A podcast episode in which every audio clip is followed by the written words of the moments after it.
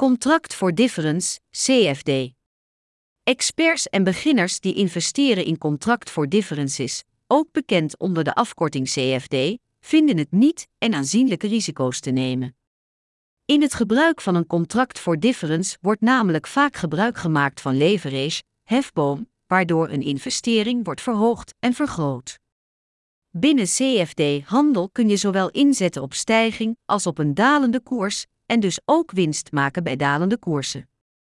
Op het moment dat een 1 uur 10 hefboom wordt gekozen, kan de belegger bijvoorbeeld voor elke zelf ingelegde euro 10 euro maximaal inzetten en op die manier met een hefboom winsten maken.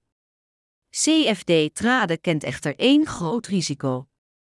En dat is dat de koers dus niet overeenkomt met het contract en daarmee kan de trader of belegger zijn volledige inzet kwijtraken. Het is in ons land wettelijk gezien niet mogelijk om onder de nul uit te komen met een CFD-contract, maar een verkeerde beslissing kan er wel voor zorgen dat je al je ingelegde vermogen kwijtraakt. De CFD-handel, contract voor difference handel, kan je veel winst opleveren, maar kent zeker ook de nodige risico's.